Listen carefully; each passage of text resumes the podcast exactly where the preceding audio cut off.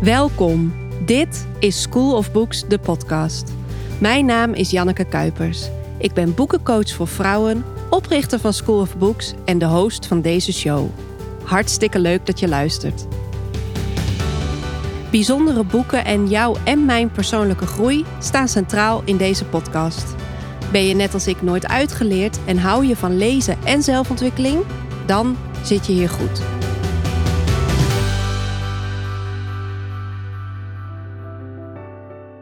Vandaag is Corina Maduro te gast.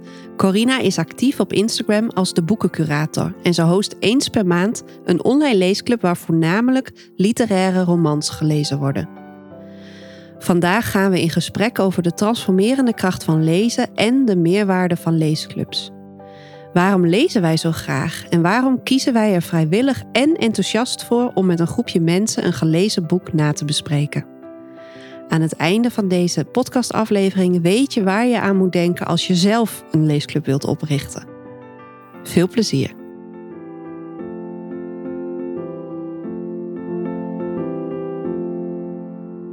Leuk dat je er bent. Welkom. Ja, leuk om hier te zijn. Goed zo, leuk. En jij bent helemaal vandaag uit Den Haag naar eh, Utrecht gekomen. Ja, het is geen straf hoor, want uh, ik ben eigenlijk geboren in Utrecht. Dus het is altijd weer een feestje om even door dat fijne centrum te lopen. En ik ben ook even bij een museum naar binnen gestapt. Dus um, kijk, het is eigenlijk jouw dag. Ja, jouw perfecte dag. Ja. Boeken, denk ik, praten over boeken en oh, musea. Ja, ja, ja Leuk. zeker. Nou, ik ben heel blij dat je er bent. En uh, ik heb eens gekeken wanneer wij voor het eerst contact hebben gehad. Wij kennen elkaar via Instagram eigenlijk. Ja. En dat was drie maanden geleden. Leuk. Ja, jij uh, host een online leesclub. Klopt. En uh, jij had toen een poll over wie al begonnen was aan het boek. En toen heb ik blijkbaar jou een berichtje gestuurd. dus dat is hoe het allemaal is begonnen. Inmiddels, ja. ja. Inmiddels heb ik ook twee van jouw leesclubavonden bijgewoond. En ik ben razend enthousiast. Oh, fijn om te horen. ja. ja, ik doe het ook met zoveel plezier. Maar uh, ja, het is toch ook elke keer weer spannend dat je hoopt dat mensen het boek leuk vinden en uh, willen meedoen. Maar uh, ja, dus dit is heel fijn om te horen. Ja, nou, leuk. Ja, en ik dacht toen natuurlijk ja, iemand die zo ook met boeken bezig is en met, denk ik, ook mensen verbinden door middel van boeken. Jou moet ik als gast. dus the rest is history. Yes. Maar normaal gesproken, mensen die ik ken, ik doe even tussen aanhalingstekens, van de mensen die ik ken, weet ik over het algemeen wat hun lievelingsboeken zijn, hoe ze lezen, dat soort dingen. Dus mijn voorstel is om eigenlijk maar meteen met het uh, openingsrubriekje te beginnen. Ja, goed idee. Ja, goed plan. nou, meteen uh, de eerste vraag is ook de grootste vraag. En dat is, welk boek heeft jouw leven veranderd? Ja, ik moest daar even, uh, want je had me die vraag inderdaad al van tevoren gegeven gelukkig. Want ik moest daar echt even over nadenken. Maar wat toch als eerste omhoog kwam, was een hele sterke leeservaring die ik heb gehad als kind. En um, het begint eigenlijk met film. Want mijn ouders zijn echte filmliefhebbers en niet zozeer lezers. Dus ik ben ook, ik heb een fantastische filmopvoeding gehad, als het ware, waar ik heel blij mee ben. En op een gegeven moment was uh, The Never Ending Story in de bioscoop. Dus heb ik gezien met mijn vader. En die film, nou, ik was helemaal verliefd op die film en op iedereen in die film. Het was echt uh, fantastisch. En volgens mij zei ik denk dat het mijn leraar was. Die zei dat het ook echt een boek was. Mm -hmm. Dus voor wie het verhaal niet kent, het is het oneindige verhaal. En het gaat over een jongetje, Bastiaan, die heel erg graag leest. Maar ook wel wordt gepest op school. En hij, hij komt op een gegeven moment in een boekwinkel een boek tegen dat het oneindige verhaal heet. En dat boek schrijft zichzelf als het ware terwijl je leest. En ja, Bastiaan neemt dat boek mee en die begint te lezen. En die beleeft de meest fantastische avonturen. Het is een heel fantasievol, sprookjesachtig verhaal. En het gaat heel erg ook over dat zo kunnen genieten van lezen en zo heerlijk opgaan daarin. En ik herkende mezelf heel erg daarin. Maar toen begreep ik dus van die leraar dat het ook echt een boek was. Mhm. Nou, echt. ik, ik, ik, ik had het gewoon niet meer. Het was een soort van, dit was al zo'n mooi sprookjesachtig iets. En toen bleek het ook echt een boek te zijn. Ja. En uh, ik heb dat toen dus ook gelezen. Zelfs op de middelbare school nog een keer voor het Duits. Want het is van origine door een Duitse schrijver geschreven. Of in ieder geval Duitsstalig. En uh, ja, het gaat zo over leesplezier. En er zitten een aantal hele mooie soort van lessen in dat verhaal over nou ja, ook over het belang van je fantasie en wat dat je leven kan verrijken, maar ook dat je een stem mag hebben mhm. en dat je eigenlijk invloed hebt op hoe de dingen gaan. Dus dat, uh, ja, nou ja, dat boek is echt voor altijd voor uh, jou in mijn hart. Ja, oh, wat mooi. Ja, ik herinner me dat ook. Ik heb de film ook gezien. Volgens mij op zo'n kinderfeestje, op zo'n filmavondje. En uh, ik kwam er toen tot mijn grote schrik ook achter dat er een boek van was. Want ik vond toen al dat je eerst het boek moet lezen en dan pas de film mag kijken. Maar ik denk dat ik nog te jong was, want ik heb dat boek toen uit de bibliotheek gehaald en ik begreep dat niet. Ik, oh ja, dus eigenlijk zou ik de jaartallen moeten terugzoeken. En het was ook dat sommige tekst was in het rood. Ja, klopt. En, uh, en ik, ja, ik was helemaal in de war. Het verhaal, wat je, de ene helft van de tekst is rood en de andere helft is blauw. Dus een van de twee kleuren is dan meer het verhaal over Bastiaan en wat er in zijn leven gebeurt. En dan wat Bastiaan leest, is dan allemaal in de andere kleur. Oh ja. Ja, dus waarschijnlijk heb ik dat allemaal gemist. Ja. ja. ja, ik, vond het, ik vond het echt zo magisch. Oh, maar dit is, dit is ook wel echt. Ja, je kan het je nu nog niet voorstellen. Het is, we nemen dit op uh, half september, maar straks lekker in het najaar. Ik denk dat ik hem uh, een nieuwe kans ga geven nou, naar jouw ja, verhaal. Ik kan het je echt aanraden. Ik kan me voorstellen, misschien als je net te jong bent, dat het dan wat complex is. Maar dat uh, sowieso af en toe een jeugdboek of een kinderboek is toch, ja, is toch echt een feestje ook. Heerlijk ja. Hey, en wat is je lievelingsboek? Ja, ook daar moest ik echt even over nadenken. Want ik heb dus um, in mijn huis meerdere boekenkasten.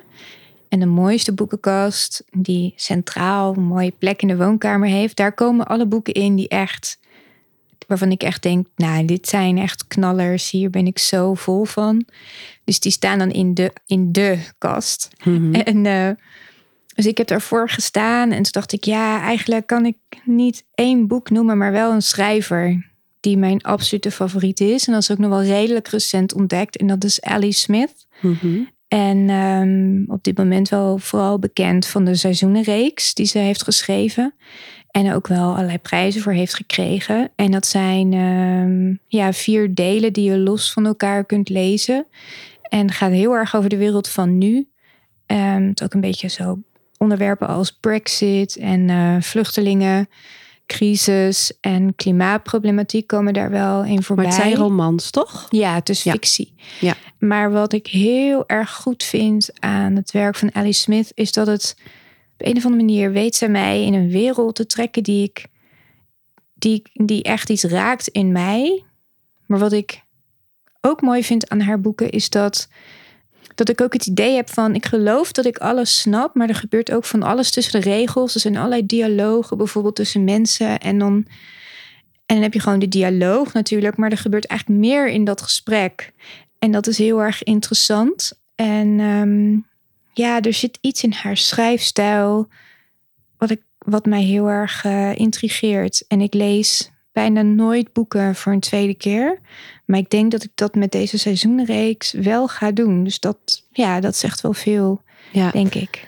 Hey, en als iemand nu wil beginnen met Ellie Smith lezen, waar zou je dan volgens jou het beste mee kunnen beginnen? Um, nou, misschien ja, toch wel. Um, ze heeft ook korte verhalen geschreven. Er zijn meerdere bundels met korte verhalen. Die zou je ook eerst kunnen proberen. Um, om te kijken of de stijl je ligt. Want het is wel een auteur die, um, die volgens mij of heel fijn vindt, of je denkt echt, nou, dit, dit gaat helemaal langs me heen. Wat ook mhm. prima is trouwens. Mhm. Dus dat zou je kunnen doen. En anders inderdaad met die seizoenen. En je kan ze dus lezen in de volgorde die je wil. Dus begin dan met het seizoen waar je je ook in bevindt, mhm. zou ik zeggen. Zo, leuk. Ja. Nou, mooi. Hey, en de volgende vraag is eigenlijk een, uh, een verzamelvraag. hoe waar en hoeveel lees je? Ja, dat is een hele leuke vraag. En die natuurlijk ook, we hebben natuurlijk al een hele lange periode waarin we met COVID uh, te dealen hebben uh, achter de rug. En ik ben wel echt meer gaan lezen, omdat met al die lockdowns er wat meer ruimte voor kwam ook. En ik hoop wel dat ik dat kan vasthouden. Mm -hmm. Ja, ik lees veel thuis, toch wel.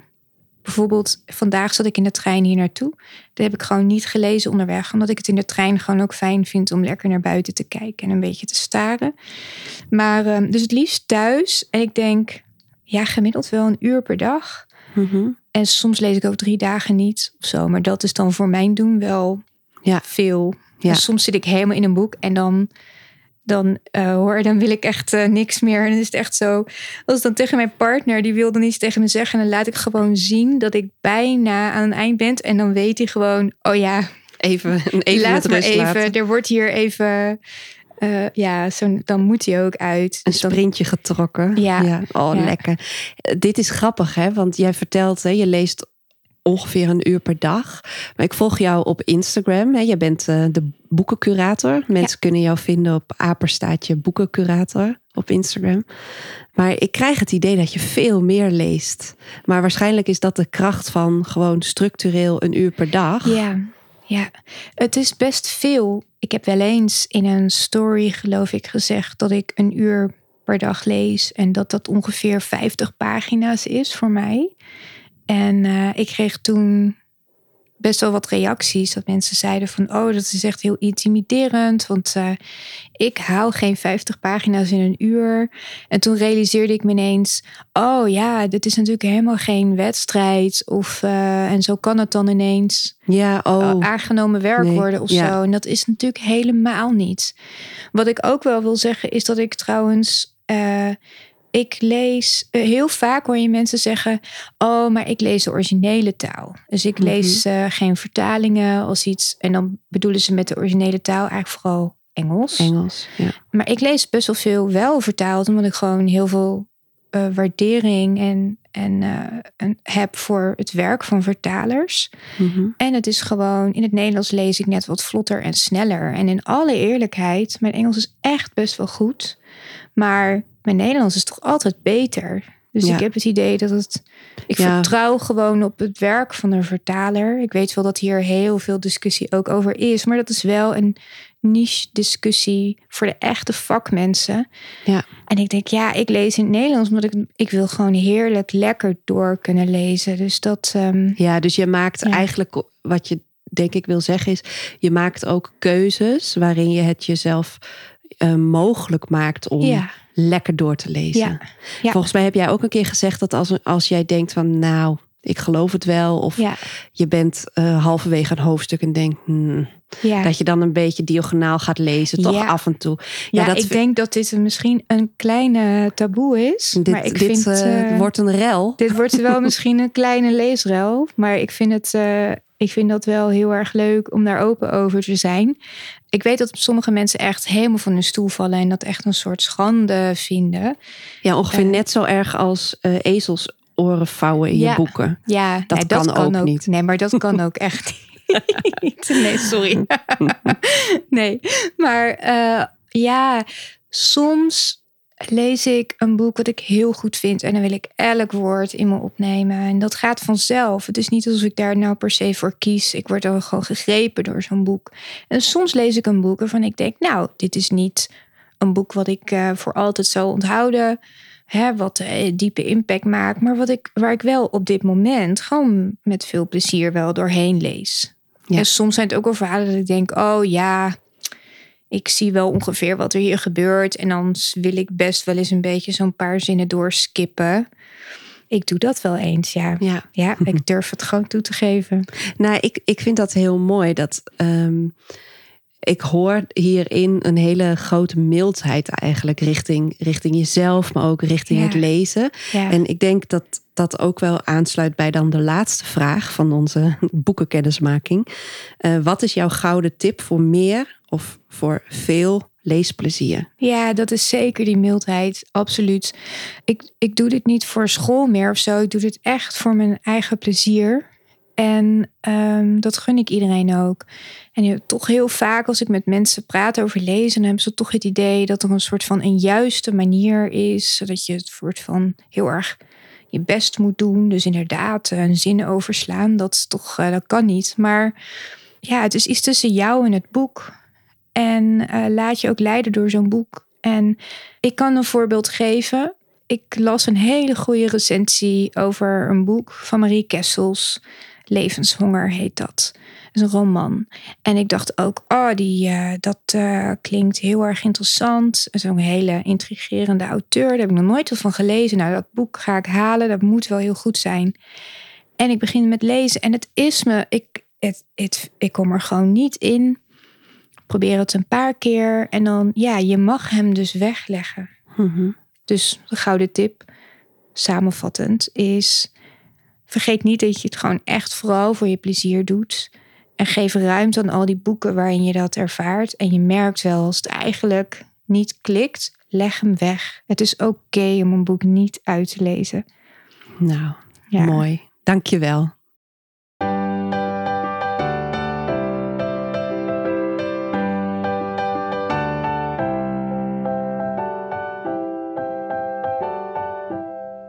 Jij host een leesclub en uh, ik wil er binnenkort eentje uh, beginnen online.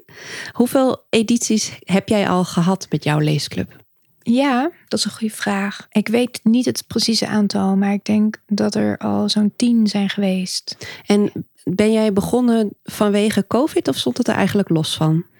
Um, ja, ik ben wel begonnen in de COVID-tijd. Dus het heeft er wel uh, invloed op gehad. Of daar, ik denk dat er wat ruimte ontstond om dat ik dacht, nou ga ik toch echt iets met die boeken doen. En um, ja, omdat ik het zo leuk vind om ook maar de leeservaring te kunnen delen met anderen, ging dat eigenlijk als vanzelf. Kom dat idee op. En dan was het toch, waren we allemaal al een beetje gewend aan dingen online doen en mm Zoom. Dus het leek alsof die infrastructuur en de bereidheid om op deze manier zoiets te gaan doen, die lag al min of meer klaar. Dus ja. En was het voor jou echt een droom? Liep je daar al lang mee rond of is het echt ontstaan in dat moment? Het was niet heel erg van tevoren bedacht plan om inderdaad met de leesclub te beginnen. Waar het eigenlijk meer mee begon is het Instagram-account. Boekencurator. Op een gegeven moment, ja, ik ben een freelancer. Um, dus ik doe veel interim klussen, veel in de culturele sector, non-profit, goede doelen, beetje die hoek.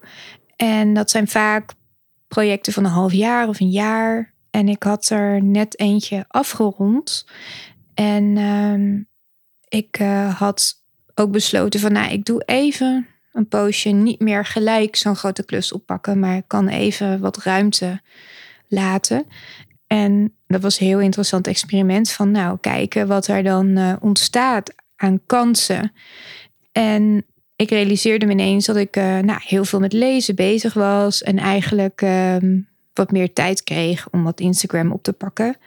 Dat balletje ging toen ineens heel snel rollen dat ik, uh, dat ik dacht, ja, ik ga hier gewoon veel over praten. En zo ontstond dat Instagram-account wat dan best wel wat groeide en wat levendiger werd. En wat ik stories ging opnemen waarin ik praatte over boeken. Ja, het is meer een beetje van het een kwam het ander. Ja, leuk. En dus die tien edities hebben, zijn allemaal online geweest. Ja, ja, klopt. Ja, ik las in jouw laatste nieuwsbrief dat je een editie aan zee uh, overweegt. Ja. Even kijken. Ja, boeken aan zee. Boeken aan zee. Heel goed bedacht natuurlijk. De intertextualiteit druipt er vanaf. Maar hebben mensen daarop gereageerd? Waren daar uh, ja, enthousiaste reacties? Ja, ik kreeg inderdaad wel wat reacties. Uh, ja, het was eigenlijk ook weer een samenkomst. Want ik woon natuurlijk in Den Haag. En het is altijd zo fijn om naar die zee te gaan. En uh, aan zee kun je ook altijd een beetje zelf wat meer je gedachten laten ronddwarrelen, als het ware dat is toch iets wat dat met je doet als je gewoon zo die duinen oploopt. En, en je ziet voor het eerst die zee die wijdheid. Die rust die je dan over je krijgt. Dat is gewoon een heel fijn gevoel. Dus dat inderdaad uh, combineren met iets anders heel fijns. Praten over boeken. Ineens dacht ik, ja, waarom, um, waarom niet? En ik kreeg inderdaad wel wat reacties van mensen die zeiden... oh, dat lijkt me wel een heel leuk idee. Um, Eh, maar ook, ook wel mensen die zeggen: nee, ik vind dat online wel, eh, wel fijn. Want zo'n Ja. boek aan zee wordt natuurlijk wel, ja, daar moet je dan helemaal op uit. En, Ja. en de mensen die meedoen nu aan de leesclub, het is dus niet een vaste groep, maar per keer kunnen mensen aangeven of ze meedoen. Maar er ontstaat wel een soort van grotere pool aan mensen die vaak wel meerdere edities inmiddels hebben Ja. meegedaan. Een soort friend, vrienden van de show. Ja, ja, zeker. En die zitten echt dus eh, overal heel verspreid over Nederland en zelfs daarbuiten. Dus ehm, ja, maar ik deed eigenlijk zelf een keer mee aan een boekenclub. Mhm. En dat was dus wel een fysieke boekenclub met een klein groepje. En toen dacht ik, ja, ik vind het wel echt iets anders. En ehm, zo'n fysieke boekenclub is ook toch wel heel leuk. Ja, dus hij gaat er zeker komen. Ja, Weet een je keer als ook een wanneer? speciale editie. Ja. ja. Is het al concreter dan dit of nog niet? Nee, nog niet. Ik zou er Oh. wel een datum moeten gaan prikken. En eh, ik denk ook wel dat er waarschijnlijk ineens een boek op mijn pad komt waarvan ik ook denk, oh ja, deze. dat het past. Ja, Oké, dus eigenlijk is dan nu de tip dat mensen vooral zich even moeten gaan abonneren op je nieuwsbrief. ja, graag. En dan, Ja. ehm, hoe, hoe kunnen we dat, eh, hoe gaan we dat organiseren? Nou, als je op volgens mij googelt gewoon op boekencurator, dan vind je mijn Instagram-account. En via mijn Instagram-account kom je ook eh, op een linkjespagina terecht. Maar als je, als je boekencurator googelt, vind je ook al gelijk een link naar ehm, eh, het nieuwsbriefkanaal. Ja. Dus dat Oh. komt goed. Nou, Ja. goed zo. Hey, en hoe is het voor jou om de host te zijn? Ja, ik vind dat echt heel erg leuk om te doen. Ik moet zeggen dat ik er in het begin ook al wat onzeker over was. Omdat ik ehm, op een of andere manier... Ik was heel erg bang dat ik zelf te veel het woord zou nemen. Want ik weet gewoon dat ik heel enthousiast kan worden. En dan eh, soms dan, dan ga ik gewoon aan. En dan er is eigenlijk zoveel wat ik zou willen zeggen over zo'n boek. En ik dacht wel van, oh, weet je, wat eh, als mensen dan toch misschien... eh, ja, het gevoel hebben dat ze niet genoeg kunnen zeggen. Maar zeker bij de eerste edities heb ik echt altijd wel uitgebreid. Dat je gepolst van eh, heb je tips of wat vind je er wel en niet leuk aan. En, en ehm, dan bleek dat over het algemeen wel echt mee te vallen. Mhm. Ja, ik heb eigenlijk bijna niet teruggehoord dat mensen dat vonden. Dus het zat Oh ja. vooral in mijn eigen hoofd, Ja. denk ik. Ja. Maar ik denk ook aan de andere kant, denk ik, ja, het is wel ja, mijn leesclub. Dit is ook, dus ik, ik mag de regels ook bepalen. En ik denk ook dat ik altijd van tevoren goed probeer aan te geven van, nou ja, dit is, dit is hoe ik hem aanpak. Mhm. En dat is een wat vrijere, lossere vorm. Wat, wat meer, ja, een heel erg geïmproviseerd gesprek met elkaar. En ehm, ja, dus ik krijg eigenlijk alleen maar goede reacties, moet ik zeggen. Leuk. Ja.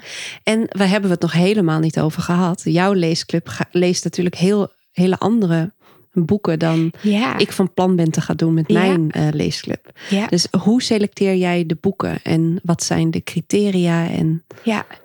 ja, ik kies wel echt voor fictie.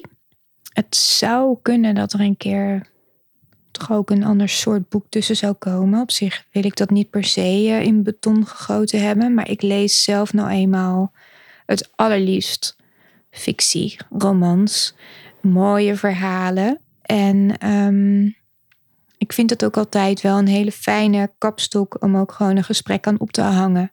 Want je kunt het echt overal over hebben. Want een roman kan natuurlijk echt over van alles gaan. Maar het schept al vaak wel een soort van een veilige, fictieve wereld die je met elkaar kunt verkennen, waarin je ineens toch over allerlei grote thema's van het leven hebt. En ik vind dat gewoon heel fijn werken. Ja, en het is ook gewoon de boeken die ik dus zelf heel interessant vind. Ehm, en ik probeer wel te selecteren op nou ja, verhalen waarvan ik echt denk: ja, hier zit heel veel gelaagdheid in. Er zitten meerdere thema's in waar je het over kunt hebben. En dan ehm, bijna altijd of ik lees hem al helemaal of deels van tevoren zelf. Mhm. En dan weet ik van nou, inderdaad, dat dit wordt is, hem. Ja, dat Ja. wordt hem. Oh, ja. Ja. Is er een leesclub-editie die er echt met kop en schouders bovenuit steekt, omdat dat een fantastisch geschikt leesclubboek bleek te zijn? Nou, volgens mij was jij, daar was jij erbij, de editie die over de vervlogen helft van Brit Bennett ging. Ja, zeker. Ja, dat was een thema voor wie het boek niet kent. Dat gaat over twee zussen die um, um, weliswaar zwart zijn, maar een hele zo'n witte huid hebben. Dat ze voor wit doorgaan, terwijl ze eigenlijk uit de zwarte gemeenschap komen. En het speelt in Amerika, in een historische setting. En een van de twee zussen die blijft in de zwarte gemeenschap. En de ander die, die gaat over in de witte gemeenschap. En die zussen zien elkaar heel lang niet meer. En ja, dat is natuurlijk zo'n interessante setting waarin zulke grootse onderwerpen ook samenkomen. Maar ook sowieso in zo'n onderwerp als white passing is natuurlijk heel fascinerend. Ehm, ik heb het idee dat iedereen onder de indruk was van het boek. En uh, iedereen daar wel naast een mooie leeservaring ook allerlei andere dingen uit heeft gehaald. Dat, dat is dan wel heel fijn om over te praten met elkaar. Ja. Ja. ja, dat boek was inderdaad uh, heel verhalend. Het was echt een, een avontuur om het eigenlijk te lezen. Ja. Maar het zat tegelijkertijd zo boordevol met thema's die op dit moment, of eigenlijk altijd natuurlijk actueel zijn, maar waar denk ik nu zoveel mensen heel bewust ook proberen meer over te leren. Hè? Racisme. Um, um, queerness. Ja. Um, ja, er zit ja. ook inderdaad een hele mooie verhaallijn in rondom een trans uh, man. Dus dat, dat, dat had eigenlijk, uh, ja. volgens mij hadden we nog wel een uur nog, hadden nog veel meer uit kunnen halen. Maar dat geeft dan ook niet. Ik hou wel echt zo max anderhalf uur aan voor zo'n leesclub. Maar um, ergens vind ik ook juist als je eigenlijk na de anderhalf uur denkt, eigenlijk zouden we nog langer kunnen doorpraten, is Ja. dat ook een goed teken. ja, precies. Dat dat, uh, ja. Ja, hey, en zijn er dingen die je in de leesclub nu anders doet dan je eerste edities? Nou, in het begin zei ik steeds heel duidelijk van uh, parkeer je mening. Dus je hebt, ik weet dat er ook leesclubs zijn waarin echt ze de kring rondgaan als het ware. En dat iedereen eigenlijk aan het begin al gelijk zegt. Een recensiemomentje. Een recensiemomentje. Ik vind dit boek een 4 of ik vind dit boek een 9. Of dit, dit vind ik van het boek als vertrekpunt. En het is wel iets wat ik bewust wilde omdraaien. Omdat het gewoon meer openheid geeft, meer ruimte om tot nieuwe ontdekkingen te komen. Als je eigenlijk bewust je mening nog even parkeert en dat je het meer over de thema's gaat hebben. Dus dat je eigenlijk met elkaar gewoon van: oké, wat gebeurt er eigenlijk allemaal in deze roman? Welke personages zitten erin? Wat vinden we van dit personage? En wel, wat is eigenlijk het belangrijkste thema? Oké, is dat het enige thema? Nee, er zijn nog meer thema's. En zo en dan hoor je iemand ineens iets zeggen van... Uh, oh, dit personage vond ik heel sympathiek. Of uh, dit vond ik een hele opvallende scène. En dan kan jij inderdaad denken van... Oh, maar dat huh? was mij... Oh, niet huh, opgevallen. Weet je wel, dat was ja. me niet opgevallen. Of ik zie dat personage heel anders. En dat is interessant. Maar als je natuurlijk gelijk in het begin misschien al... Dan krijg je zo zwart-wit. En in de eerste leesclubs besteed ik daar, was ik daar veel strenger op om heel erg te zeggen van nou, je mag je mening echt nog niet geven tot aan het Ja. allerlaatst. En eigenlijk hou ik het ook wel vast, maar ik ben er wel ietsjes losser mee geworden. Omdat het eigenlijk, ja, misschien is dat toch omdat mensen zijn gewend aan ehm, hoe Ja. ik dat aanpak. Ik weet het niet precies, maar Ja. Nou, wat ik echt heel fijn vind aan jouw leesclub is dat jij zelf ontzettend goed voorbereid bent. En daarmee faciliteer je dus ook een inhoudelijk gesprek. Waarbij het niet hoeft te gaan over wat je van het boek vond. ja, Dus zoals je net ook al zei, hè, Ja. welke thema's zijn er? Eh, welk personage vond je het, het spannendst? Of het, eh, ja. Of wie, van, wie was niet sympathiek en hoe, hoe komt dat dan eigenlijk? En wat doet de schrijver om dat eh, duidelijk te maken? Of, of wat zijn mooie passages? En sta je, want ik weet dat je, jij stuurt voor de leesclub van start gaat ook altijd nog wat achtergrondinformatie, wat artikelen, af en een YouTube filmpje of zo deel je. Ja.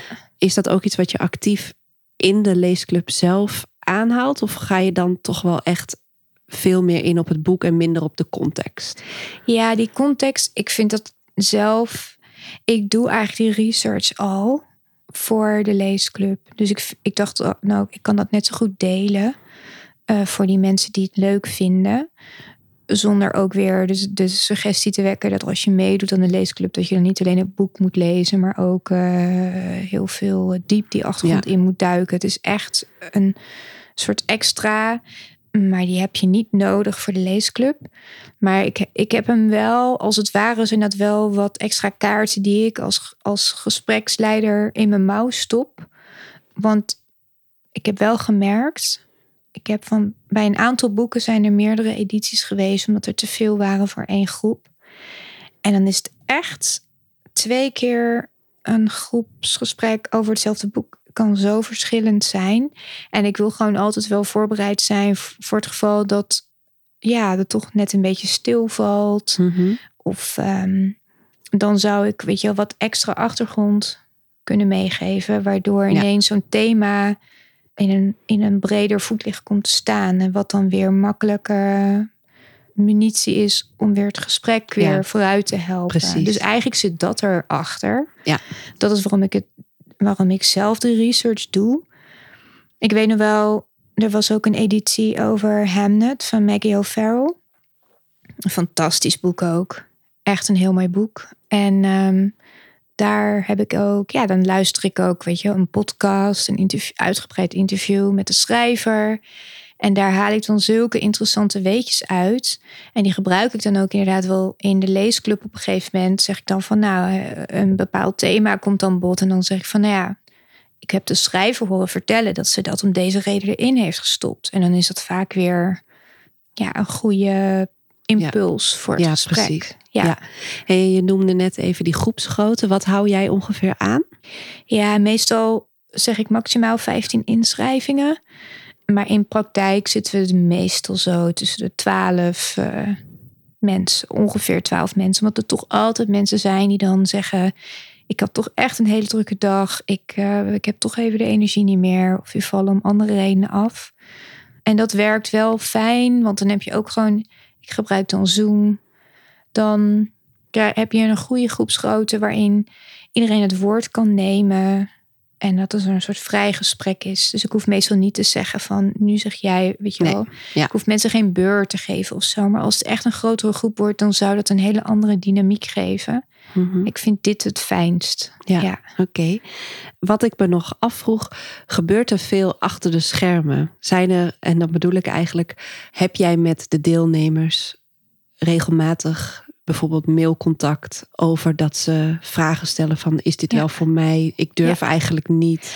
Ja, Eh, dat vond ik, dat is een ontzettende eye-opener geweest voor mij. Ik, eh, ik was me daar in alle eerlijkheid echt niet zo van bewust, omdat lezen is voor mij iets wat al heel mijn leven zo er is en waar ik zo blij van word. Het is voor mij iets heel laagdrempeligs. En ik had er me er. eh, en ik praat zo graag over die boeken. mhm. Dat ik me even helemaal niet bij stil had gestaan. Dat er mensen zijn die misschien wel heel graag lezen, maar die dat dan zo met elkaar in gesprek gaan daarover wel heel, heel spannend kunnen vinden. Dus eh, ja, ik heb heel regelmatig contact met mensen die eh, bijvoorbeeld voor het eerst mee willen doen. En dan aangeven van. eh, ik zet ook altijd expliciet in mijn oproep van. Vind je het spannend? Want toen ik dat de eerste keer realiseerde, dacht ik echt. Oh ja, ik zou het jammer vinden als mensen niet zouden durven. ja. Ik wil er echt alles aan doen om iedereen zich thuis te laten voelen. Dus ik stop daar best wel veel energie in. En ik krijg echt daadwerkelijk best vaak vragen dat mensen vooral niet zozeer het boek lezen, want vaak is dat niet zozeer het probleem, maar inderdaad meer gewoon eh, hoe gaat dat dan? En eh, dat mensen toch het idee hebben dat ze iets verkeerds kunnen zeggen, of, eh, of dat het echt een soort, ik moet, er worden vragen gesteld en wat als ik het antwoord niet Ja. weet? Of, eh, ja, dat vond ik heel ja. fijn in jouw communicatie. Dat je zei van het is geen mondelinge overhoring. Nee, het is niet je Nederlandse Ja. examen. Nee, zeker niet. Ja. Maar dat is toch, ja, dat vind ik dan toch soms jammer dat lezen ook, ook dat aura kan hebben. Dat het een Mhm. soort, eh, ja, ja, highbrow Ja. prestatiemomentje eigenlijk Ja, is. Terwijl dat ja. het ju- juist niet zou moeten zijn. nee. Ja. Nee, ik, omdat jij dat zo uh, duidelijk um, stelde, ging ik er al van uit dat dat een, een terugkerend thema is. En ik Ja. moet zeggen dat ik daar echt in mijn communicatie over mijn online leesclub ook echt eh, dankbaar gebruik van Ja, heb gemaakt. doen. Van, Ja. En ik weet ook nog wel, en dan gaan we denk ik over naar het volgende onderwerp, dat toen ik met ehm, mijn vriendinnen, nou meer dan tien jaar geleden een leesclub startte. Ja. En die vriendinnen waren toen nog niet mijn vriendinnen, want ik reageerde op een oproepje op een prikbord in de universiteit. Hoe ontzettend spannend ik dat vond. En Ja. ik weet ook nog dat we in het begin waren we met z'n vieren. En dat ik daar heel blij mee was. Want dat voelde dan toch op een of andere manier. Het was een hele grote verantwoordelijkheid. Want je kon eigenlijk niet missen. Want ja, eh, je bent er om je gedeelde leeservaring eh, te bespreken. En als je dan maar met z'n drieën bent. Of zelfs met z'n tweeën, dan, dan blijft er gewoon niet zoveel van over. Dus ik vond dat een, een hele grote verantwoordelijkheid, herinner ik me. ja.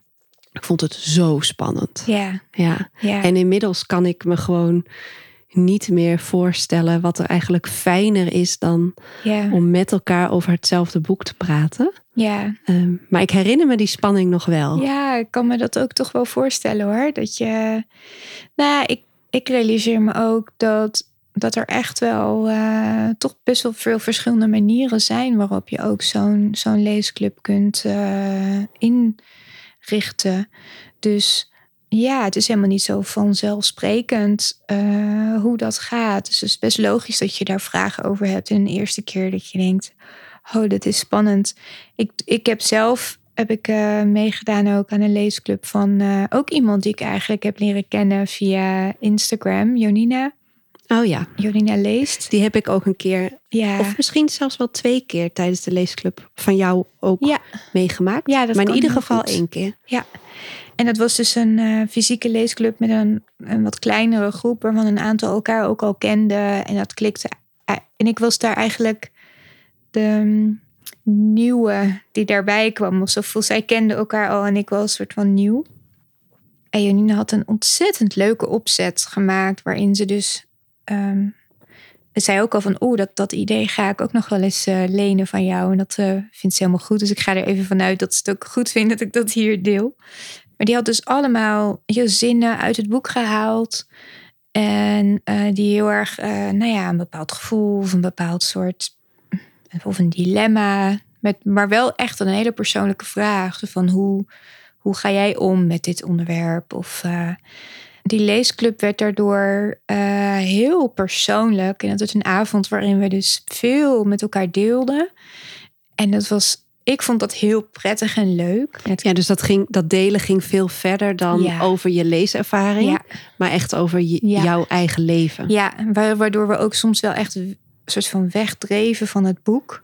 Maar dat, ook dat is natuurlijk helemaal niet erg. In mijn leesclub blijven we echt wel dicht bij het boek. Mhm. En gaat het meer echt over dat fictieve verhaal en die thema's. Natuurlijk komt er wel iets aan eigen reflectie daarop bij kijken. Maar niet zozeer dat iemand echt een heel, een heel eigen persoonlijke verhaal deelt. Ja. En dat gebeurde hier wel. Maar dat was En een dat was- compleet andere setting ook. En een Aan de hand van het boek van ehm, Toby Lakmaker. Maker. Ja, Maker. de Ja. geschiedenis van mijn ja, seksualiteit. precies.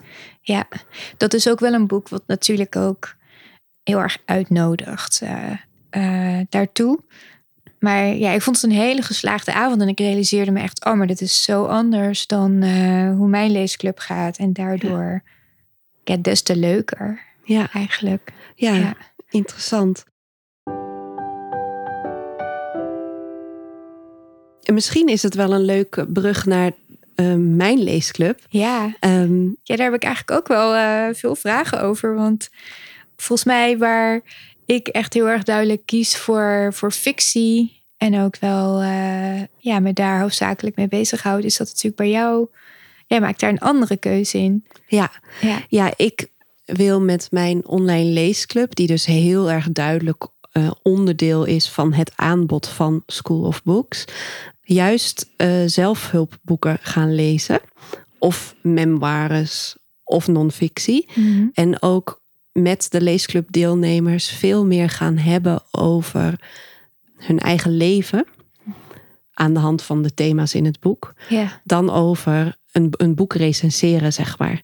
Dat is natuurlijk een, een heel leuk en waardevol onderdeel van zo'n avond. Ehm, want ik geloof ook heilig dat als jij, ehm, laten we het even bij de zelfhulpboeken houden, maar als jij een hele stroeve leeservaring had, of een leeservaring waarbij de emoties de hele tijd van links naar rechts schoten, of dat het één groot warm bad was, dat dat ook heel erg veel zegt over jouw verhouding met het thema, Ja, hè? of met ja. de, de stem van de auteur. Ja. Maar verder denk ik eigenlijk dat het in die zin meer gaat lijken op de leesclubavond die jij zo net eh, benoemde, die jij met Jonina hebt eh, beleefd.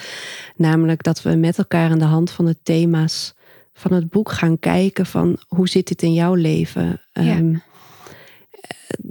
is er een passage of een hoofdstuk ehm, of een stap uit een stappenplan wat jou echt inzicht heeft gegeven? En wat kun je daar dan nu concreet mee in jouw eigen leven? En dat wil ik dus eigenlijk in die leesclub gaan doen. Dus we gaan hopelijk veel leren van het boek. We gaan natuurlijk bespreken wat we van het boek vonden, maar dan vervolgens echt met elkaar eigenlijk de diepte in. Ja. En ik moet nu even denken, dat boek ligt hier ook naast ons, Playing Big van Tara Moore. Mhm. Zij heeft eh, via een Joodse filosoof in dit boek twee woorden voor. Er zijn in de, in het, in de Hebreeuws, in de Bijbel, zeg maar in het Hebreeuws, worden er twee woorden voor eh, angst eh, gebruikt. Ehm, ja, nou weet ik, de ene is pachat, ik weet niet hoe je dat uitspreekt. En de andere weet ik nu even niet, is ook niet zo belangrijk.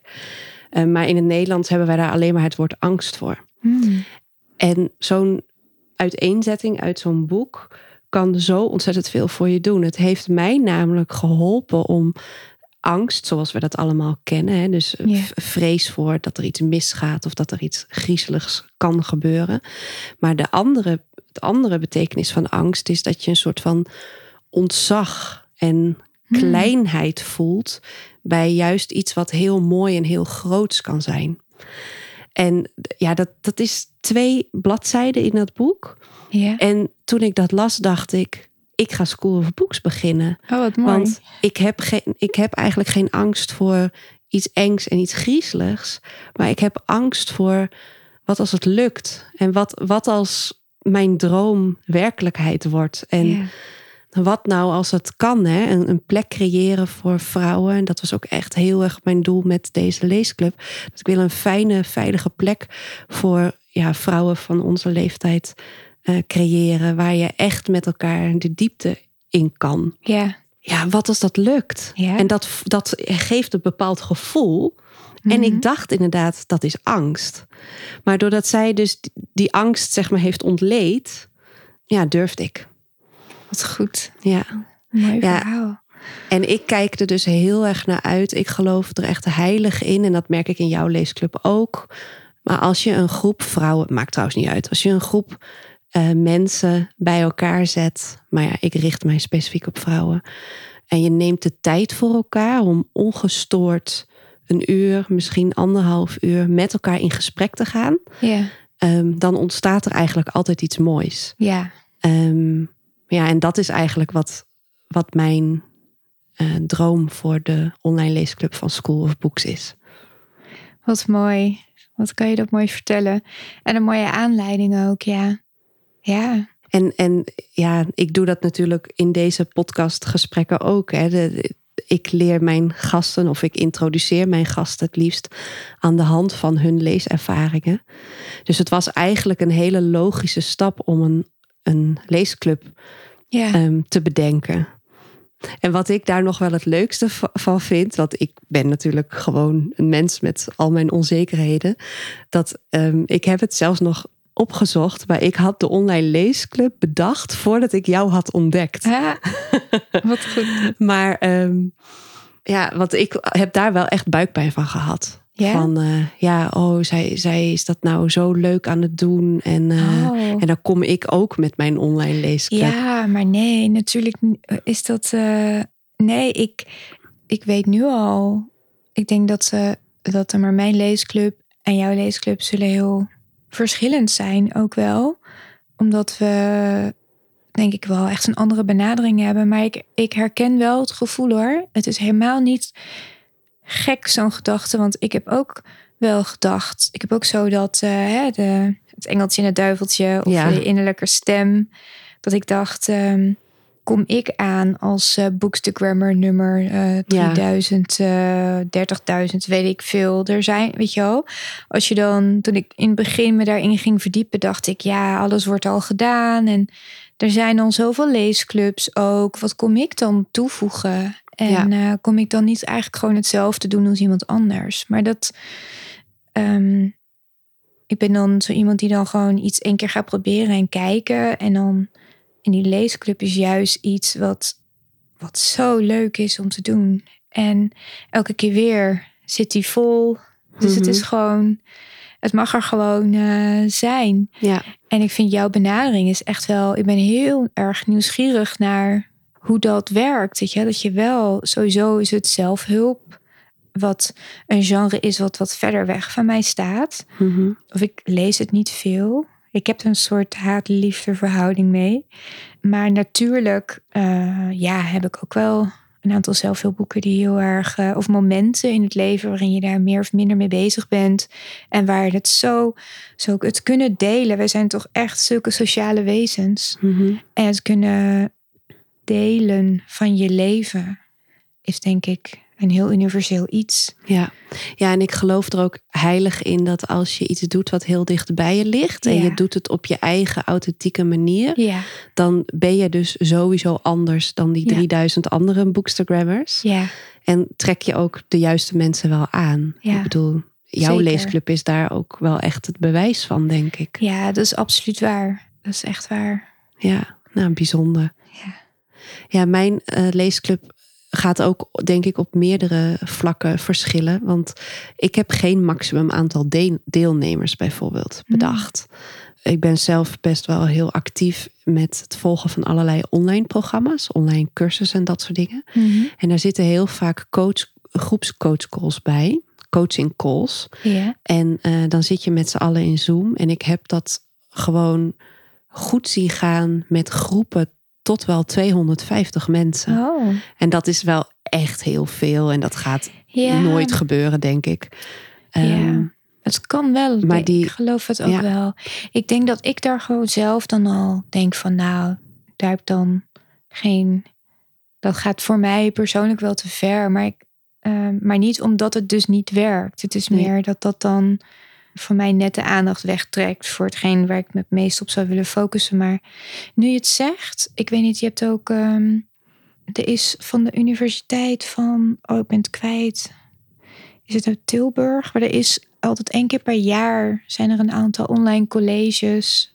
En dan kunnen mensen, ook als je niet op de universiteit zit, kun je aanhaken. En dat zijn dan, eh, er worden allerlei Nederlandse boeken eh, door Jeroen Dera Mhm. bijvoorbeeld besproken. Via via kwam ik erachter en toen heb ik me ook nog afgelopen jaar aangemeld. En dat zijn gewoon hele grote online colleges. En daar zitten ook eh, heel veel deelnemers in.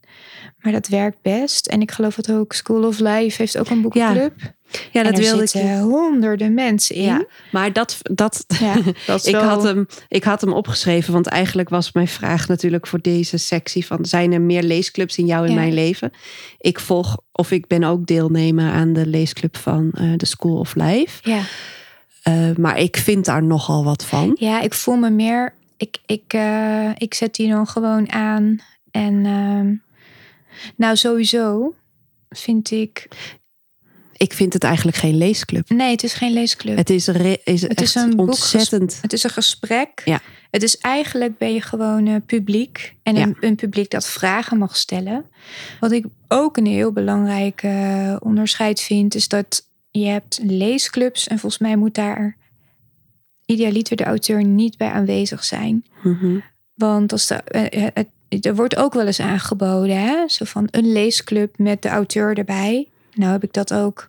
Dat is ongemakkelijk. Het is heel, ja, Ja. dat is gewoon zo. Nee, ja, het is iets anders. Ja. Natuurlijk is een gesprek met een goede moderator en de auteur met een publiek dat vragen stelt, is een fantastisch programma Mhm. en kan heel leuk zijn. Maar ik zou, daar wordt heel vaak een boekenclub genoemd, maar dat is het niet Nee. voor mij. Is dat geen Nee. boekenclub? Een Nee. boekenclub moet eigenlijk echt... Ik zie dat toch echt als met een groep lezers uitwisselen. Ja. Ja. Ja, dat ben ik met je eens. Wij hebben natuurlijk een voorgesprek gehad, een beetje. Het klinkt nou heel officieel en heel eh, zwaar, maar ik weet uit betrouwbare bron, laat ik het zo zeggen, ja. dat jij een hele interessante visie hebt op het zelfontwikkelingsgenre. Ja, klopt. Nou ja, het is wel een klein beetje in beweging, maar ik heb een hele poos, heb ik dat echt helemaal bewust links laten liggen. Dat ik dacht, nee, ik heb even helemaal geen zin in al die zelfhulpboeken. En dat komt omdat ik op een gegeven moment het gevoel had dat ook de boekenmarkt en in boekwinkels, dat zeg maar die top 10 en alles wat eh, aan de voorkant van de winkel ligt, dat dat op een gegeven moment steeds meer overspoeld werd door zoveel zelfhulpboeken. En ik ben gewoon zo'n liefhebber van het fictieverhaal. En ik geloof er heel erg in dat we dat het verhalen is de lijm of zo. Dat is wat we nodig hebben om betekenis te geven aan de wereld. En een verhaal maakt ook, is zeg maar het ideale vehikel om dingen bespreekbaar te maken. En het gaat ook heel erg over je kunnen verplaatsen in een ander. En dat is iets wat ik heel erg belangrijk vind. Dus dan gaat het even niet om jou, maar je gaat juist in een ander. En je kunt de wereld vanuit zo'n ander perspectief bekijken. En ik vind dat dus zo leerzaam. Dus ik heb ook wel eens eh, gezegd van ja, eigenlijk zijn, het ideale zelfhulpboek is eigenlijk gewoon een goed fictieverhaal. Omdat je mee wordt genomen in een goed verhaal. En je daardoor ook soms een boodschap of een wijze les veel beter kunt onthouden. Of dat het wat, wat, wat dieper in je kan zakken. Ja. Dus dat is, maar, maar ik moet zeggen, Kun je daar een voorbeeld van geven? Ehm, nou ja, in zoveel romans, bijvoorbeeld die boeken van Alice Smith, daar zit op een gegeven moment een heel verhaallijn in, waarbij het gaat over een, eh, een opvangfaciliteit voor vluchtelingen, die daar natuurlijk eh, ontzettend in een soort limbo, juridisch limbo, heel erg lang vast kunnen zitten. En het feit dat, dat zo'n setting en zo'n verhaallijn in zo'n roman naar voren komt. En je dus je kunt verplaatsen in personages, in verschillende personages die, die in het verhaal voorkomen. Helpt dat je heel erg om na te denken. En wordt het ineens echt en is het niet meer een krantenartikel of een, eh, of een, of nieuws over zo'n onderwerp. En dat is eigenlijk het waarvan je het onderwerp überhaupt kent. Mhm. En, ehm, maar ik moet zeggen, die zelfhulpboeken.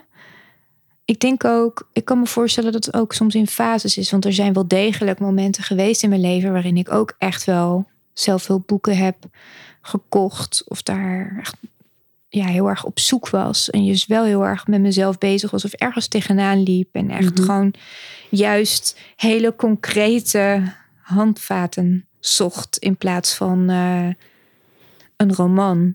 Ja. Dus ik, ik weet niet, soms vind ik het fijn om, eh, om mijn dingen een beetje scherp te formuleren. Omdat Mhm. het leuk is, omdat het een discussie losbrengt. Dus dan, eh, Maar jij zou dus eigenlijk willen zeggen: romans lees je om de wereld beter te leren begrijpen. En zelfhulpboeken lees je om jezelf beter te begrijpen. ja, ik weet niet helemaal of dat zo. Ik denk dat het allebei hetzelfde kan doen. Ik denk dat ook een roman doe je om de wereld beter, ja, lees je om de wereld beter te begrijpen. Juist dingen die buiten jezelf liggen. Maar uiteindelijk is een roman ook altijd weer. Je reflecteert toch vanuit jezelf. Mhm. En ehm, door zo'n roman te lezen, waar identificeer je je wel en niet mee? En wat zegt dat? Of kom je een personage tegen die een hele ontwikkeling doormaakt, waarin je allerlei dingen kunt herkennen van jezelf. En daar kun je echt wel hele wijze lessen uithalen. Maar het is Mhm. natuurlijk wat indirecter allemaal. Ja. Het is meer een spiegel. Ja.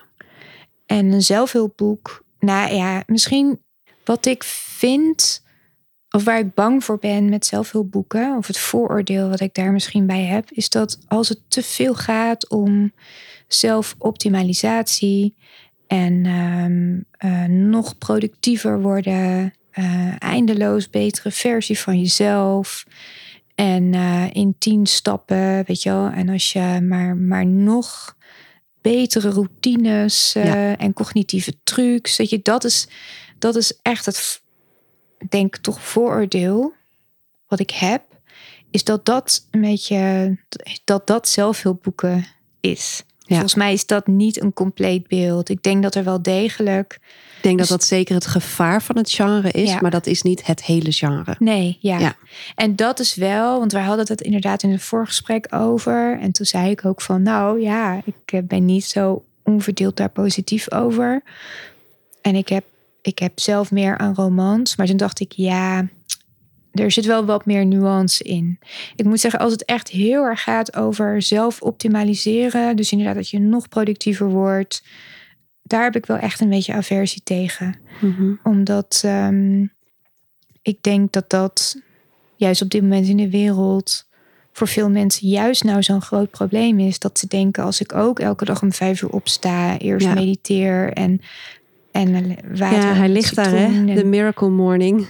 Ja, dat Ja. is, dat is maar ja, Nee, maar het, het raakt me wel wat je zegt, omdat ehm, als ik nadenk over wat School of Books is en de plek die ik wil voor vrouwen creëren, Ja. is juist die plek waarin je helemaal goed bent zoals je bent, ja, maar je loopt tegen dingen aan waardoor je jezelf niet durft te laten horen, bijvoorbeeld, of Mhm. waardoor je niet eh, de kleding durft te dragen die je wil. Of eh, je durft niet uit die relatie te stappen die niet goed voor je is, wat dan ook. ja, Dat je dan daar eh, eigenlijk dingen in kunt leren, waardoor je die ruimte voor jezelf kunt creëren waar je zo naar verlangt. ja, En het staat ook op mijn website.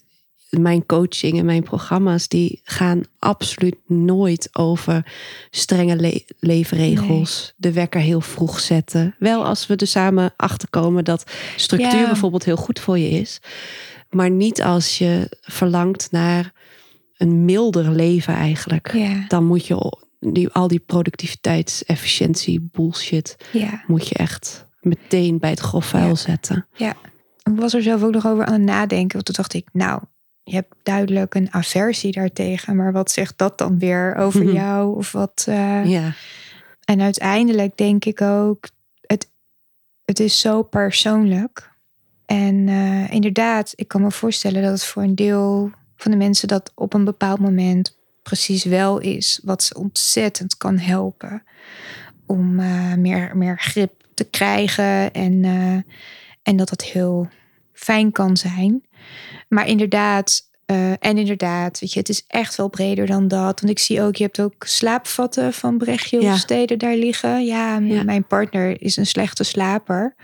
Ja, weet je, dat kan, eh, die wil ik heel erg graag lezen. Ja, maar dat is natuurlijk eigenlijk ook geen zelfhulp, toch? Nee, ja, nee. Nou ja, ik vind dat een Ja. soort van lit- literaire. is dat meer thema. een soort literaire non-fictie eh, Ja. verkenning van... Ja. Ja, maar is dat... Is dat ehm, eh, maar het zou een perfect boek kunnen zijn voor Ja. mijn leesclub. Ja. Voor jouw leesclub in dit geval ook. Het is, ja, het is ja, een, een boek wat ook een beetje de grenzen, denk ik, opzoekt. ja, Ja, wat ik me. Ik heb bijvoorbeeld, omdat we het nu zo heerlijk over boeken en lezen hebben de hele tijd. Quiet ligt er ook van Susan Kane. ja, Dat is een, een populair wetenschappelijke eh, ja, interpretatie van haar eh, PhD-research over introverte mensen. Hmm. En ik heb me best ook wel. Ik heb periodes gehad dat ik me mijn identiteit als lezer enorm omarmde. Maar ik heb ook best wel lang me daartegen verzet. Van ik ben niet normaal. Waarom lees ik nou op vrijdagavond een boek in plaats Ja. van dat ik in een bruin café aan het pubquizzen ben, weet je wel? Ja, ja. Ehm, en ja, ik noem dat dan. Het is natuurlijk eigenlijk ook weer geen zelfhulp, want het is een het is populaire wetenschap of echte wetenschap, maar dan vertaald voor ja, ons.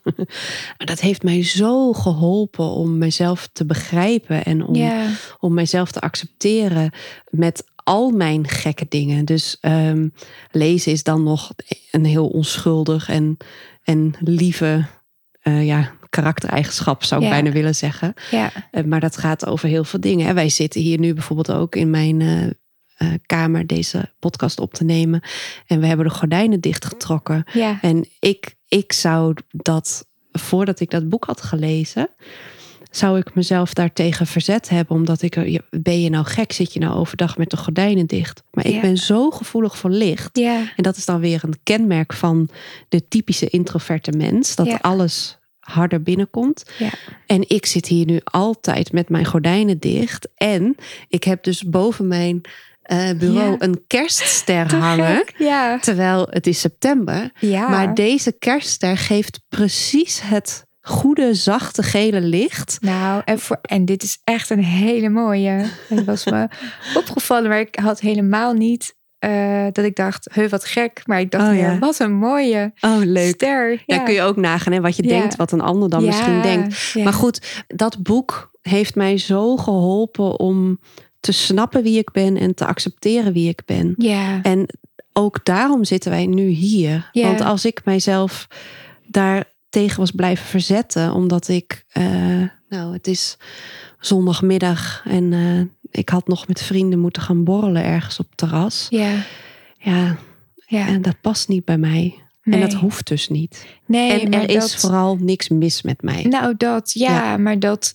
dat eh, je realiseren en dat kunnen omarmen, dat, Ja. dat is soms iets waar je eh, in je eentje eh, niet zo makkelijk komt. En, waar, en wat misschien, misschien bestaan er ook wel romans waarin zo'n personage voorkomt die je dat ook wel kunnen Ja. spiegelen. Maar dan is het misschien wat indirecter. En ik kan me voorstellen dat dat dan een, een heel bevrijdend, fijn boek is. Ja. Dat je echt. eh, Ja. ik, heb, ik heb ook wel. Wat ik heel erg leuk vind, is aan de jongere generatie, is dat er ook helemaal niet meer zo'n taboe zit op allerlei, bijvoorbeeld ehm, mentale eh, struggles die je hebt. Of dat je inderdaad, het is inmiddels een stuk geaccepteerder geworden om ook eh, te zeggen dat je introvert bent, of dat je hoogsensitief bent, of dat je, ja, noem maar op, of dat je een depressie hebt. Ehm, dat, is, dat zijn allemaal onderwerpen die heel erg lang taboe zijn geweest. En, ehm, en er is een soort van zo die mentale of die openheid over al die kwesties die in een jongere generatie nog veel meer zit. Dat vind ik, dat vind ik zo goed. Hm. En ook voor mij is dat ook iets heel persoonlijks. Mijn moeder heeft heel lang een hele zware depressie gehad, een postnatale depressie. En omdat er toen eigenlijk helemaal geen goede hulpverlening was, heeft ze daar heel erg lang eh, over gedaan om daar overheen te komen. Uiteindelijk zonder medicatie, gewoon helemaal op eigen kracht. Met hulp van mijn vader, maar dat heeft lang geduurd. En ik heb me pas veel later gerealiseerd van, oh, weet je wel, dat ik heb daar eigenlijk niet per se nou heel erg last van gehad als kind, zeker niet. Maar later pas, toen ik zelf ouder werd, ben ik me gaan realiseren van wat mijn moeder eigenlijk heeft meegemaakt in die tijd. En ik ben ook wel boos geweest dat ik dacht, je had gewoon meer hulp kunnen hebben. Maar er was nog geen, ik zeg ook wel eens, ja, er la- lag nog geen flow en geen happiness. En er waren nog geen boekwinkels vol zelfhulpboeken. En daar had zij zoveel aan gehad. En ehm dat is wel leuk. Ik kijk heel erg uit naar het boek van Iris. Ja. Eh, van Iris Borduurt. Steek je los. Een steekje los. Ja, want mijn moeder heeft dus, had dus ook echt zo straatvrees. En die kreeg, ja, dat stapelde een beetje op bij haar allemaal. En ik zag dat Iris daar een boek over aan het schrijven was. En heb ik ook al tegen haar gezegd: Goh, weet je wel, maar dit wil ik dus wel lezen. Mhm. Om toch gewoon nog steeds met terugwerkende kracht gewoon ja, daar goed begrip van te hebben. Dus ja, ja. Eh, ja, ik ben wel geneigd om te zeggen dat als het maar tussen twee kaften zit, en zelfs Ja. dat hoeft niet, want het mag ook een TED-talk zijn of een Ja. YouTube-filmpje, maar laten we het even bij boeken houden. Zolang het tussen twee kaften zit en het doet iets met jou, dan is alles zelfhulp. Ja. Ehm, ja, ik denk dat ik het daarmee eens ben. Ja, wat Ja. leuk. ja. Ja. ja. en ook over trouwens slechte zelfhulp. Hoeveel, ik bedoel, wat is goed, wat is slecht. Maar ik bedoel, alsof er niet ook heel veel fictieboeken zijn die, ja. weet, ja, weet je wel, dat ook, om, dat is natuurlijk eigenlijk ook zo. ehm, Ik denk dat, dat je vooral het verst komt met ehm, wat een boek voor jou betekent of hoe goed een boek is. Dat Ja. je dat vooral niet probeert eh, te bepalen voor een ander. nee, klopt. En ja, ik heb echt romans gelezen die mij. Bijvoorbeeld eh, Kom hier dat ik u kus van Giet op de Beek. Ja, Dat, dat gaat over een jonge vrouw die heel onveilig is opgegroeid. En Ja. eh, daar de hele leven eigenlijk nog last van heeft. En ja, dit klinkt misschien een beetje arrogant. Maar ik heb ook een enorme droom om te schrijven. Ik heb ook op de schrijversvakschool gezeten. En toen ik dat boek las, dacht ik echt... Ik, ik hoef niet meer dit Ja. van mezelf te verwachten. Dat boek is al geschreven. ja, Ehm, dus dat je jezelf zo kan tegenkomen in, in een roman. En dat is zo krachtig. ja. Ja. En daar heb ik The Wild Other liggen van Clover Stroud. Dat is een memoir. Hm, Daar ben ik wel heel benieuwd naar. Die zou ik je eigenlijk wel mee... eh, Echt? Oh, ik ken het. Ik ken de titel niet. Nee, dat, nou ja, dat, dat boek heeft mij echt. Ik heb het nu twee keer gelezen. Ik, her, ik herlees de laatste tijd, of laatste jaren wel wat meer. Maar daarvoor deed ik het nooit. En ik was natuurlijk heel bang dat het bij tweede lezing me zou tegenvallen. Maar dat was absoluut niet zo. Het gaat trouwens ook over een vrouw met eh, postnatale depressies. Ja, zo'n. Nou, dat, dat, dat boek gaat heel erg over een vrouw met een heel groot trauma. Hm, En ehm, ik heb PTSS. hm, En ehm, dus dat is posttraumatisch stressstoornis. Dus ik heb ook trauma's. En ehm, eh, daar kun je in, de, in, in je leven word je regelmatig getriggerd. En dan is dat niet fijn. En ehm, dat hele hoge cortisolgehalte in je bloed heeft ook echt effect op, op je hersenen, maar ook Ja. dus op hoe je de wereld waarneemt of, of hoe gedachten werken. En in dat boek heb ik gewoon bijna ook één op één een kopie gevonden van hoe dat van binnen bij mij werkt. Wauw. En dat, ja, dat is zo'n bijzonder cadeau dat je gewoon als iemand bijvoorbeeld je begint een nieuwe relatie en iemand wil je graag leren kennen en dat je dan zegt lees dit Lees maar, dit boek. lees maar. En dan begrijp je mij beter Ja. ook. Wat mooi.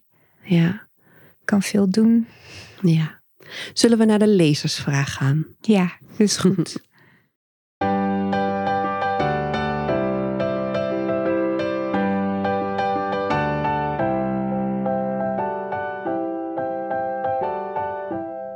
De vraag van de week van een van onze luisteraars. Het is heel grappig. Hoi boekencoach en boekencurator. Wat leuk dat jullie samen een podcastaflevering opnemen. Nou, ik vond het ook leuk. ja, zeker. Ik hou ontzettend van lezen en ik zou ook graag een leesclub beginnen. Hebben jullie tips? Ja, zeker. Ik zou als eerste voor jezelf goed op een rij zetten waarom, wat, wat voor jou persoonlijk je idee is bij de leesclub. Of wat zou jij zelf het fijnst vinden? Wat verwacht jij zelf? Of wat, wat vind jij dat een leesclub is? Ja, wat wil je eruit en wat halen? wil je eruit halen? En ehm, het helpt inderdaad wel, bijvoorbeeld om te, na te denken over, weet je, wil ik, ga ik voor fictie, ga ik voor een speciaal, een specifiek type boeken? Ja, het zijn echt best wat, wat keuzes die je kunt maken. Maar tegelijkertijd wil ik ook zeggen dat het, je hoeft hem niet de complete puzzel helemaal kloppend van tevoren te leggen. En dan Ja. begin- je kunt ook gewoon Een zoekende beginnen. leesclub starten. Ja, als je bij jezelf start en gewoon duidelijk aangeeft hoe, wat jouw positie hierin is, dan vind je vanzelf ook, denk ik, de mensen die, zich, die dan zeggen: Oké, dit, dit ga, hier stap ik samen met jou in. Ja. Ja, Ja, en ik denk dat het wel leuk is om eh, te benoemen eh, wat er nou voor varianten zijn. Want we hebben nu Ja. bijvoorbeeld eigenlijk de literaire leesclub van Corina gehoord. Ik ga dus een soort van eh, zelfhulp, coachingachtige leesclub over het leven beginnen. ja, Maar er zijn ook leesclubs die eh, thematisch eh, lezen. Dus Ja. of inderdaad alleen maar over de Tweede Wereldoorlog Ja. lezen. Of bijvoorbeeld een bepaald genre. Dus een young adult Ja. leesclub bijvoorbeeld. En toch wel de meest gehoorde reden waarom mensen een leesclub zelf starten, de, de reden die ik het vaakst hoor is eh, dat mensen een beetje moe zijn van hun eigen keuzes of van hun keuzeproces. En dat ze meedoen in een leesclub waarin de afspraak is dat iedereen om de beurt een Ja. boek kiest. Zeker. En dat je dan niet bij elkaar gaat checken, vind je het goed dat ik dit Ja. boek Nee. kies? Ja. Omdat dat een hele krachtige manier is om boeken te lezen die je zelf waarschijnlijk nooit zou Ja, eh, kiezen. zeker. Dus dat zijn soort van opties over de boeken zelf. Ja, en verder. Ik denk ook, ehm, nou ja, de keuze of je het online of, ehm, of eh, fysiek doet. Mhm. Bij online vind ik het ook nog wel, dus inderdaad de tip dat je er altijd even iets aandacht. Inmiddels zijn we allemaal zo gewend aan eh, Zoom-sessies en zo. Maar toch inderdaad even altijd aandacht schenken aan. eh, niet, niet iedereen neemt zo makkelijk het woord of durft dat te doen. Dus denk erover na. of vergeet niet altijd bijvoorbeeld ook te zeggen van, nou ja, als je, als je een vraag wil stellen, maar je doet het liever in de chat, dan kan dat ook. Weet je, het, het zijn Ja. misschien dat je denkt, inmiddels weet iedereen dat toch wel. Maar het zijn wel toch fijn om dat te benoemen. Ja, ja dus Ehm, om soort... mensen te helpen. Ja. Om zich op hun gemak te voelen. Want je kunt toch in een online omgeving kijk je elkaar wat minder makkelijk in de ogen. In het echt zit je natuurlijk met elkaar in een ruimte. En dan kun je toch wat beter aanvoelen hoe iemand erbij zit. Ja, ja en Ja. ik denk een eh, belangrijke tip vanuit mijn eigen ervaring is, is dat het heel belangrijk is, is dat er minimaal één, maar het liefst iedereen toch wel, die, die zich goed voorbereid heeft. Ja. En dat klinkt nu heel zwaar, maar ik merk het in de leesclub die ik met mijn vriendinnen heb, dat wij hebben de afspraak dat we om de beurt op volgorde van de vo- eh, letter van ons alfabet. Hoe zeg je dat? Je voornaam, eh, Ja. letter van je voornaam. Precies. Ja. Eh, dat is de volgorde die we aanhouden. En degene die het boek gekozen heeft, zorgt ook voor een kleine inleiding. Ja. En dat is ook wel leuk. Wij hebben ook de afspraak, omdat wij, dat is echt een gevaar wat je loopt als je een leesclub start, is dat je vriendinnen wordt. Ja. Wij hebben nu een afspraak dat we eerst eh, kletsen over hoe het met on- gewoon is het Ja. een, een vriendinnenmiddag. En dan op een gegeven moment gaat iedereen even plassen, wordt er een nieuwe pot thee gezet. En dan zeggen we: Oké, dan gaan we het nu over het boek hebben. ja. Want als je het ehm, al vrij snel, wat jij net ook zei, als al vrij snel aan elkaar verklapt wat je nou van het boek vond, ja. dan lukt het gesprek niet meer. Nee. Nee. Dus zo doen wij het. Ja. Wij kiezen om de beurt een boek. Eh, de volgorde van het kiezen wordt bepaald door de eerste letter van onze voornaam in het alfabet.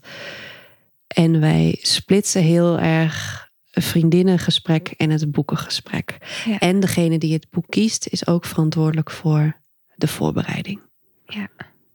Volgens mij zijn dat eh, aardig wat goede tips inderdaad. Ja, Maar je hebt dus vooral, ja, je hebt best veel opties en manieren waarop je het kunt invullen. En inderdaad, Ja. kijk gewoon wat bij jou past. En blijf bij jezelf. En eh, ja, en ga het gewoon vooral doen. ja. En qua het zoeken van mensen kan het dus. Ja, ik weet dat ik eh, een soort van fossiel uit een andere eeuw ben. Maar bij mij is het dus echt via een briefje op een prikbord gegaan. Wat grappig. En dat, maar dat kan natuurlijk nog steeds. Ja, Eh, je kan het via Instagram eh, organiseren. ja Ehm. de social media is, is best een, een fijne manier inderdaad. Ik Ja. vind het echt toch wel. Ik bedoel, ook die social media, soms word ik er ook wel heel moe van, net als iedereen natuurlijk. Maar ik moet zeggen dat de lezerscommunity op Instagram vind ik echt een warm bad. Er zijn echt zoveel ontzettend leuke, lieve mensen die, ehm, die eh, ook elkaar zo graag supporten. Dat valt me Mhm. heel erg op. Ja, Ja, dat is leuk. dus ja. Ja, en misschien dan slottip. Ehm, er zijn zo ontzettend veel leesbevorderingsachtige programma's gaande. Dat klinkt nu heel suf en vreselijk saai. Maar Ehm, er zijn best veel bibliotheken die een Ja. leesclub hosten waar je je gewoon bij kunt aansluiten. Ja. Maar er zijn ook uitgeverijen, bijvoorbeeld de Club van Echte Lezers. Eh, Hebban is er. Ja, Ehm, in Rotterdam is er nu iets, dat leesclubbing of zo. ja dat is van de, maar dat is dus van de bibliotheek eh, Rotterdam. En ehm, dat is ook een hele leuke manier, inderdaad. Dus je zou ook altijd nog kunnen zeggen: Nou, doe wat vooronderzoek. En doe eerst nog eens mee met twee verschillende leesclubs. Om Ja. te proeven wat die, hoe verschillend dat kan zijn. Ja. Maar inderdaad, bibliotheken en uitgeverijen, die eh, kunnen soms ook een fijn platform of startpunt zijn. Ja. ja, want als je denkt, oeh, eh, gebeurt er ook veel. Ja, hè? Utrechtse Utrecht boekenbar echt een heeft- literaire stad, vind Ja. ik. Ja, de Utrechtse Boekenbar heeft samen met de bibliotheek Ja. ook een leesclub. Ja. ja, maar de tip is dan denk ik vooral in mijn geval, ja, sowieso doe, doe mee met alles eh, wat kan. Tegenwoordig is er zoveel online. Maar dat je ook echt qua voorbereiding je niet hoeft te laten remmen. Dus je kan je aansluiten bij de Ja. keuze van een lopend programma of je download van de website van een uitgeverij gewoon de leesclub vragen over dat boek. Ja. En dan heb je gegarandeerd een fijn, eh, Ja. fijn gesprek. Ja. Oh, en laat het ons vooral weten, denk ik. Ja, En, en vragen zijn ook altijd welkom. ja, zeker. Nou, we hebben het al een paar keer genoemd, maar Corina is boekencurator op Instagram. Ze heeft echt een hele leuke nieuwsbrief waarin ze eh, deelt over haar eigen eh, leesavonturen van de voorgaande weken, maar ook een soort van boekenvak, eh, nieuw te verschijnen boeken en andere culturele interessante dingen opsomming altijd. Ja. En dat is met heel veel humor geschreven. Ik moet er altijd een beetje om gniffelen. Wat leuk. Ehm, ja, dus abonneer je daar zeker ook even op. Nou, dankjewel. Jij heel erg bedankt voor de uitnodiging. En eh, het is zo leuk om, eh, om gewoon heerlijk over, over boeken en alles wat we daarin tegenkomen te kunnen praten en uit te wisselen. Ik ben heel erg benieuwd naar, ehm, naar jouw leesclub. Dus eh, Nou, je bent van harte ik ga welkom. me wel aansluiten hoor. Ik wil in ieder geval een keer meedoen. Ben Ja, heel leuk. benieuwd. Wanneer is jouw eerstvolgende leesclub? Eh, begin november. Ehm, even uit mijn hoofd. Maandag 8 Ja? november. Dan eh, gaan we het hebben over het laatste boek van Sally Rooney. Mooie Oeh. wereld, waar ben je? Ja, ik ben, eh, ik ben... Nou, dat is zeker een boek waar heel veel over te praten valt. Dus dat eh, moet zeker goed komen. Nou, hartstikke leuk. Hey, bedankt voor dit fijne gesprek. Ik ben weer helemaal ja, opgeladen, geïnspireerd. Leuk. Ik, eh, ik ben echt heel blij en ik zie jou natuurlijk snel bij een van onze eigen leesclubs, denk ik. Ja, zeker. Nogmaals, dank je wel.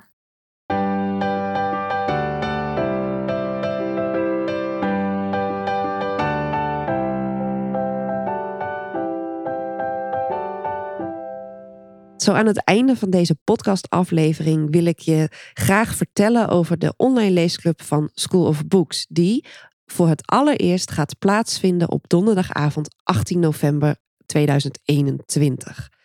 We bespreken dan You Are a Badass van Jen Sincero. En ik heb dat boek gekozen omdat het een bestseller is en de kans dus groot is dat je hem thuis al op je to-read stapel hebt liggen of dat je het boek voorbij hebt zien komen bij eh boekstagrammers en coaches eh, en altijd al hebt gedacht, oeh, dat boek zou ik ook wel willen lezen. You Are a Badass gaat over je dromen volgen, je life goals waarmaken en leren begrijpen waarom jij bepaalde dingen doet en waarom je bepaalde dingen wel wil veranderen, maar waarom dat op dit moment niet lukt. Het is een heel motiverend en activerend boek. En dat past natuurlijk ook goed bij School of Books. Want bij School of Books lezen we niet alleen maar voor de lol. We lezen ook omdat we eh, ja, willen investeren in de kwaliteit van ons leven. Dus je bent van harte welkom. Ga naar www.schoolofbooks.nl slash de streepje online streepje leesclub en koop je kaartje. En om het nog leuker te maken, het kaartje kost namelijk 15 euro. Maar om het nog leuker te maken kun je je inschrijven voor een van mijn gratis downloads. Ik heb bijvoorbeeld een hele leuke download over plezier leren maken. Ik heb er ook een over verstillen. En ik heb een hele leuke boeken mini-masterclass opgenomen over lezen en je leesroutine opbouwen. En als jij uh, je daarvoor inschrijft, ontvang je een mailtje met een kortingscode voor de eerstvolgende editie. En dat betekent dat je de eerste keer met 50% korting kunt meedoen. Dus dat is denk ik zeker de moeite waard. Ik hoop dat ik je snel mag ontmoeten. Als je nog vragen hebt, stuur me een mailtje, stuur me een DM via Instagram. Mijn contactgegevens vind je in de show notes. Tot snel en veel leesplezier.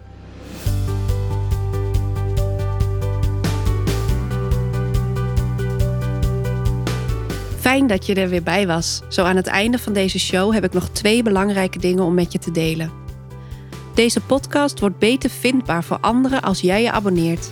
Ik wil graag zoveel mogelijk boekenliefhebbers en zelfontwikkelingsenthousiastelingen bereiken. En daar kan jij me bij helpen.